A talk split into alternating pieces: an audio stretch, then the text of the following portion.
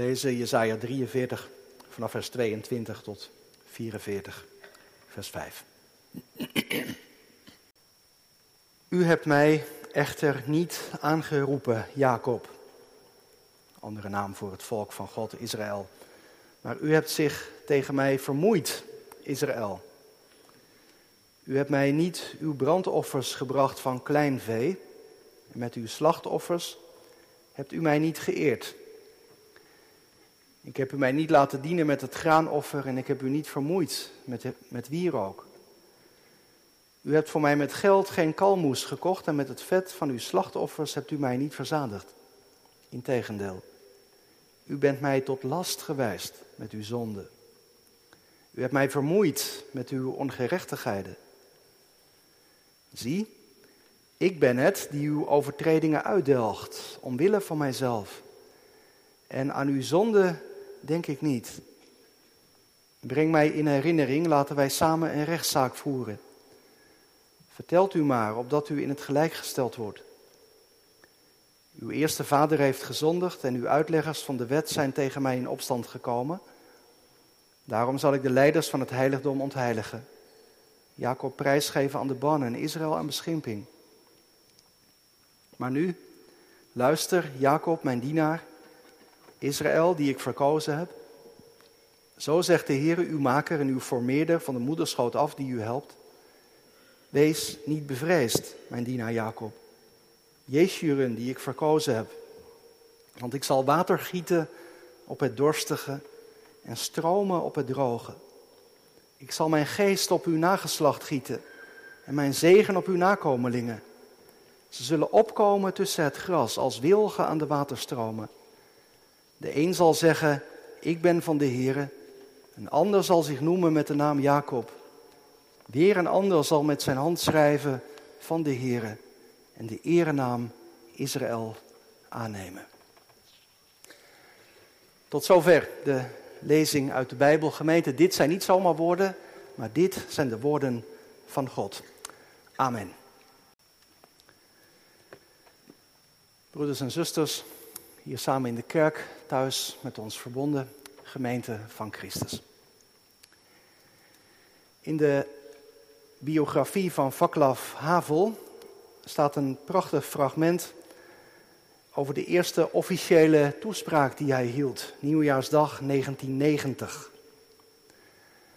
Hij is dan net door het parlement gekozen tot president van Tsjechoslowakije. En Havel zegt in die toespraak: Al 40 jaar lang hebt u op deze dag horen zeggen hoe het land bloeit. Hoeveel we produceren, hoe gelukkig we zijn. Maar ik denk niet dat u me hebt gekozen opdat ook ik tegen u zou liegen. En daarom zeg ik u, ons land bloeit niet. En daarna gaf hij eerlijk en kritisch aan op welke vlakken de grote problemen lagen. Het opmerkelijke is, zo noteert de biograaf, dat de meeste luisteraars niet geschokt of ontmoedigd waren, maar een gevoel van opluchting ervoeren. Omdat ze iets hoorden dat overeenkwam met de wereld zoals zij die kenden. Ik denk dat we daar allemaal wel iets van herkennen. Het kan heel pijnlijk zijn als iemand je de waarheid zegt. Als je man of je vrouw tegen je zegt waarmee je hem of haar pijn doet. Of als je kind je aanspreekt op een akelige karaktertrek van je. Of als je een functioneringsgesprek hoort wat echt anders moet. Dat kan pijn doen en tegelijkertijd is het volgens mij wel de manier om ruimte te maken voor iets nieuws. Havel zei in zijn toespraak: Ons land bloeit niet. Het gaat niet goed. En de profeet Jezaja die doet iets vergelijkbaars. Ook hij spreekt namens God van zulke eerlijke woorden. Woorden die blootleggen hoe het ervoor staat. Kijk nog even mee naar hoofdstuk 43, waar vanaf vers 22, waar wij begonnen te lezen, een lange aanklacht klinkt. God zegt, jullie hebben mij niet aangeroepen. Jullie hebben geen offers gebracht. Jullie zijn mij tot last geweest met jullie zonde. Jullie hebben me vermoeid met je ongerechtigheden. Dat is een heel triest refrein in het boek Jezaja. Het eerste deel van het boek Jezaja, je zou kunnen zeggen tot hoofdstuk 40, dat speelt zich af voor de ballingschap, bevat veel orde van wee, van oordeel.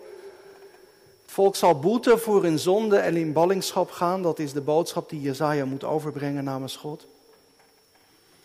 En vanaf hoofdstuk 40 richt de profeet zich dan tot die mensen die in ballingschap zitten. Die zijn weggevoerd naar een ver land. Die weten van de verwoesting van Jeruzalem en van de tempel. En nou zou je denken, daar zullen ze wel van hebben geleerd. Men zal toch wel met een nieuwe toewijding zijn gaan geloven, met een nieuw verlangen God zijn gaan dienen. Maar het is kennelijk nog niet zoveel beter. Een triest refrein, want ook hier klinkt het dus, hoofdstuk 43, jullie hebben God niet aangeroepen. Jullie hebben geen offers gebracht. Je hebt hem vermoeid met je zonde. Hun schuld was, om zo te zeggen, alleen maar groter geworden. God legt de vinger op de zere plek. Ik weet niet of je dat ook wel eens zo voelt. Kijk, zo'n ingewikkeld functioneringsgesprek, dat hakt erin. En van zo'n opmerking van je kind, daar kun je van wakker liggen. Maar van de tegenstem van God, hoor je die ook nog wel eens? Of heb je je daar misschien voor afgesloten? In ieder geval wil God het er vanmorgen met je over hebben. Hij spreekt je erop aan als je op een afstand van hem leeft. Als je zo weinig aan hem bent toegewijd. Als het met al je goede bedoelingen toch steeds weer mislukt om God en je naaste lief te hebben. God wijst het aan en hij zegt, zo kan het niet. Dat is schuld tegenover mij. Tegelijkertijd, ik weet niet of je daar iets van gemerkt hebt, maar in dit tweede deel van het boek Jezaja richt God zich niet alleen tot mensen die leven in zonde. Hij spreekt ook tot mensen bij wie het geloof door is geworden. In vers 3 hè, van hoofdstuk 44, daar kom je dat beeld van droogte tegen. Wij weten daar de laatste jaren steeds meer van. Je ziet de scheuren soms lopen door de grond in de tuin. Nou, in Israël konden de mensen zich daar ook van alles bij voorstellen. Droogte, een lange tijd zonder regen moeten, maar je voelt tegelijk wel aan, er is hier iets van een diepere laag. Die droogheid, dat is natuurlijk een beeld. Want veel mensen die daar in ballingschap zaten in Babel, die konden eigenlijk niet goed meer geloven. Dat God nog met hen te maken wilde hebben. Er was nog maar weinig verwachting. Ja, vroeger, nou ja, je moet hoofdstuk 43 maar lezen, daar kom je dat helemaal tegen. En vroeger, ja, vroeger deed God nog mooie dingen. Vroeger was God nog aan het werk, zeiden ze tegen elkaar, maar tegenwoordig is dat allemaal anders geworden. Wij merken niks meer van Hem. Geweldige doorheid in het geloof. Ik, ik weet niet of je daar ook wel eens last van hebt. Ik denk dat velen van ons er wel iets van herkennen. Dat God in je beleving soms heel ver weg kan zijn. En je zou misschien wel met meer overgave willen geloven, meer zekerheid hebben. Maar het is of het je bij de handen afbreekt. Misschien is het de teleurstelling over je kinderen die afhaken. Misschien ervaar je zo weinig vreugde in het geloof, terwijl dat vroeger misschien ook heel anders was in je leven. Doorheid en droogheid. Daarom zongen we ook die prachtige Psalm 63. O Heer, mijn ziel en zinnen smachten en dorsten naar u in een land waarop de zon verzengend brandt.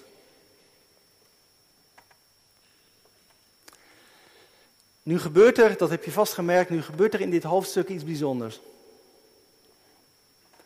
Kijk, God gaat niet met wat tips strooien om het over een andere boeg te gooien.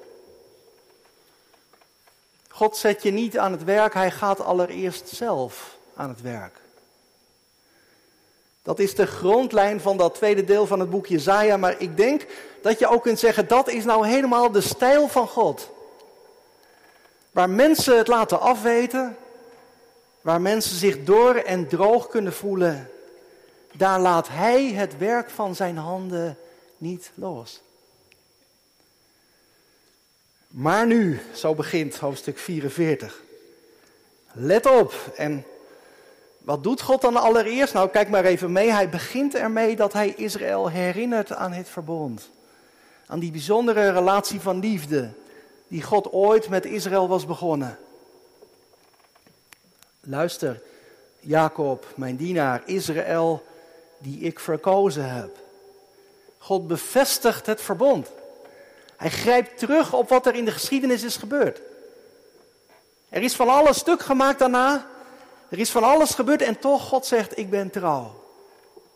Ik ben trouw aan wat ik begon. Ik laat het werk van mijn handen niet los. En hoe wordt dat dan concreet? Nou ja, met de woorden van onze tekst, vers 3. God zegt, ik zal water gieten op het dorstige, op het dorstige land. En stromen op het droge. Denk nog even aan die droge aarde. Aan een woestijn waarin het maanden niet heeft geregend. God gaat water geven en dan niet maar een paar druppeltjes, maar heel nadrukkelijk klinkt het woord stromen, stromen van regen. Een overvloed van water. En wat kan het land daarvan opknappen? Alles wordt weer fris en groen. De bomen en de planten kunnen weer groeien, de gewassen op het veld vrucht dragen. Water is onmisbaar. Maar dan spreekt God in één adem door over het werk van de geest. Ik zal mijn geest op uw nageslacht gieten en mijn zegen op uw nakomelingen. Dus zoals water het door het droge land tot leven brengt, zo zal Gods geest worden uitgegoten om ook nieuw leven te brengen. Gods geest zorgt dat er weer groeien en bloei komt, weer vitaliteit, weer leven. En is dat ook niet wat wij onlangs hebben gevierd met het Pinksterfeest? Denk aan de woorden die de apostel Petrus dan spreekt, verwijzend naar een andere profeet, Joël. Het zal zijn in de laatste dagen dat ik mijn geest zal uitstorten op alle vlees. Uitstorten, dat is ook zo'n woord. Zo'n beeld dat helemaal past bij onze tekst. God geeft zijn geest niet maar karig met een paar druppeltjes, maar mild en overvloedig. Het is opvallend dat Gods geest hier allereerst wordt toegezegd aan de nakomelingen, aan de nieuwe generatie. Toen wij in het doopgesprek Jezaja 44 al even lazen, toen viel dat gelijk op. En reken maar dat dat voor de mensen in ballingschap een heel hoopvolle gedachte was, dat het werk van God niet zou afbreken.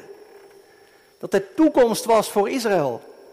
Terugkeer naar het land, een herleving. Een nieuwe generatie die zal opstaan en God zal dienen.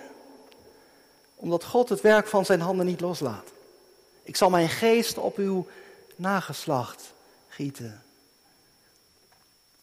Voor u is de belofte, zegt Petrus later op het Pinksterfeest, en voor uw kinderen en alle die daar verre zijn. Een tekst die ook vaak verbonden wordt met de doop. Vanmorgen dopen wij vier kleine kinderen van de gemeente: Nicolien, Boas, Flore en Jozua. En ook zij mogen delen in het werk van Gods geest. Want God zegt: Ik doop je in de naam van de Vader en van de Zoon en van de Heilige Geest. Ik verbind mijn naam met jullie naam. Er is van Gods kant geen enkele belemmering. Dat ook een nieuwe generatie bij hem mag horen. Integendeel. Laat de kinderen tot mij komen, zegt Christus. De toegang is vrij. Voor een nieuwe generatie, maar niet alleen voor hen. Ook, ook de ouderen worden bij deze woorden ingesloten.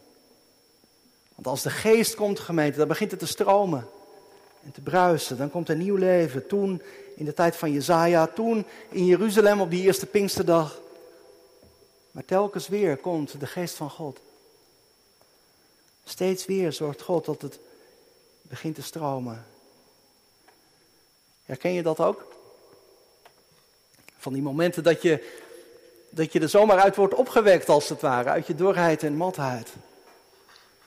Dat je de zin in krijgt om God te prijzen. Dat je vrucht mag dragen tot Gods eer.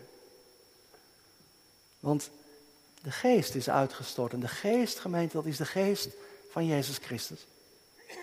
Die tot leven wekt, die vernieuwt, die mij in vuur en vlam zet. Nou ja, denk je misschien, dat gaat dan toch wel weer heel snel. Ik weet dat ook allemaal wel over die geest die is uitgestort en die ook vandaag werkt. Maar ik merk er toch vaak weinig van. Het blijft vaak zo op afstand. Mag ik je dan vanmorgen als het ware uitnodigen om dichterbij te komen? Want om de geest te ontvangen wordt ook iets van ons gevraagd.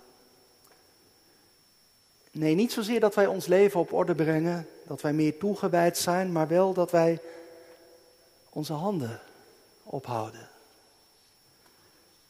Dat wij zeggen, zie hier ben ik Heer. Ik heb helemaal niks mee te brengen. Alleen maar mijn eigen dorheid. Ik heb niets in te brengen dan alleen mijn zonde. Maar hier ben ik en ik bid u, kom dichterbij. Raak mij aan, vernieuw mijn leven. En gemeente God zal dat gebed zeker horen. Er is een toekomst vol van hoop. Als die geest van God gaat werken, dan komt er van alles in beweging. Dat zie je ook hier gebeuren, hè? Jezaja 44. Dan staat er een nieuwe generatie op die hun vertrouwen op God gaat stellen. Dan is er sprake van beelden van groei en bloei. Vers 4, dat doet denken aan Psalm 1 over die rechtvaardige. Die zal zijn als een boom, geplant aan water, die vrucht draagt. Heel uitbundig wordt gesproken over wat God gaat doen. Ja, eigenlijk gaat het daar tot nu toe helemaal over, hè, de versen 1 tot 4. Gaan helemaal over wat God gaat doen. Als je, als je de Bijbel leest, ik weet niet of je dat wel eens gerealiseerd hebt, maar als je de Bijbel leest, is dat altijd een heel belangrijke vraag om te stellen. Wat zegt dit gedeelte nou over God? Hoe leer ik God in dit Bijbelgedeelte kennen? Nou, hier wordt volgens mij heel duidelijk, alles gaat van God uit. God bevestigt het verbond, vers 1. Hij bemoedigt zijn kinderen, vers 2. Hij schenkt zijn geest, vers 3. Hij zorgt voor de vrucht, vers 4. Maar let tenslotte dan toch ook nog even op vers 5. Want daar zie je wat God in een mensenleven uitwerkt. Moet je kijken, ik lees er nog even voor, vers 5, Isaiah 44. De een zal zeggen, ik ben van de Heer. Een ander zal zich noemen met de naam Jacob. Weer een ander zal met zijn hand schrijven van de Heer en de erenaam Israël aannemen. Het gaat hier dus over mensen die het geloof gaan beleiden. Maar wie zijn hier aan het woord? Wie nemen die erenaam Israël aan? Zoals het aan het einde van vers 5 staat. Nou ja, de meeste uitleggers die zijn het er wel over eens dat het hier gaat over mensen die eerst niet bij het Joodse volk hoorden. Van geboren Israëlieten zou dat toch niet zo gezegd hoeven te worden dat ze de erenaam Israël aannemen. Dus volgens mij wordt hier bedoeld dat die vernieuwing van Israël ook andere mensen aantrekt. Gods liefde beperkt zich niet alleen tot dat volk waar die ooit, om zo te zeggen, bij Abraham al mee is begonnen. Psalm 87, hè, die Pinksterpsalm over de Filistijnen, de Tyriër en de Mooren. En, en je ziet het ook hier, dat dat heil van God universeel is. Dat iedereen daarin mag delen. Als dat ergens zichtbaar wordt, dan met Pinksteren. De redding is voor iedereen. Vernieuwing van ons leven. Hoop voor de toekomst. Het is allemaal beschikbaar. Vergeving. Genade. De liefde van God. Ook jij en ik. We mogen er zomaar bij horen. Want de geest is uitgestort op alle vlees. En dan wordt er in vers 5 een prachtig beeld gebruikt. Er staat, en ieder zal met zijn hand schrijven van de Heer. Het ene laatste regeltje van vers 5. Ehm, veel andere vertalingen, misschien heb je een Bijbel bij je met andere vertalingen, zie je dat waarschijnlijk ook. Veel andere vertalingen lezen net anders. En dat lijkt me ook terecht. De NBV 21 die leest, een derde schrijft met zijn hand, schrijft op zijn hand, een derde schrijft op zijn hand van de Heer. Op je hand schrijven. Ik denk dat dat toch net een betere vertaling is. Iets op je hand schrijven, nou ja, misschien doe je dat ook wel eens. Is denk ik een beetje afgenomen sinds we allemaal een mobieltje hebben waarin je herinneringen kunt instellen. Maar alsnog, iets op je hand schrijven om het niet te vergeten. Uh, boodschappen halen, collega bellen, je schrijft op je hand en iedere keer zie je het toch weer even voorbij komen, zodat je het niet vergeet. Nou, hier gaat het dus over iemand die zijn beleidenis op zijn hand schrijft. Van de Here. Een, een teken dat je herinnert aan je identiteit. Misschien heb je zelf ook van zulke tekenen die je eraan herinneren dat je bij God hoort. Een Bijbeltekst op een opvallende plaats in je slaapkamer of in de woonkamer. Of je doopdatum op de kalender. Als het door en doods is in je leven, wordt je zo toch telkens weer even herinnerd aan wie God voor je is. Daarom las ik ook de wet van morgen uit Deuteronomium 6, waar dat ook staat, hè, van, over die tekenen, van, aan je voorhoofd binden en op de deurposten schrijven, ook van die tekenen die herinneren aan wie God is. En ik dacht, het is ook een roeping voor de ouders van de gemeente, ook voor jullie die vanmorgen je kind laten dopen. Om rituelen te vinden die je kinderen er steeds weer aan herinneren wie deze God is. Maar je hoeft het gelukkig ook niet allemaal uit jezelf te halen. God reikt ons ook van zulke tekenen aan. Ik denk aan het avondmaal. Als God ons brood en wijn reikt. Ik ben jouw God, jij bent van mij. Neem, eet, gedenk en geloof. Brood en wijn als tekenen van zijn liefde. En vanmorgen zien we een ander teken. Het teken en zegel van de doop. God schrijft, om zo te zeggen, zelf met zijn hand. Hij schrijft zijn naam over mijn leven. De naam van de Vader, de Zoon en de Heilige Geest. Ik ben van Hem. Onze kinderen van Hem. Gemeente, laten wij het meezeggen. Dat doe je toch wel? Toch? Ik ben van de Heere. Vergeet het niet. Want deze God vergeeft. Hij draagt me door de diepte heen. En hij vernieuwt mijn leven door zijn Heilige Geest. En hij laat me vrucht dragen tot zijn eer. Eer aan de Vader en aan de Zoon en aan de Heilige Geest. Amen.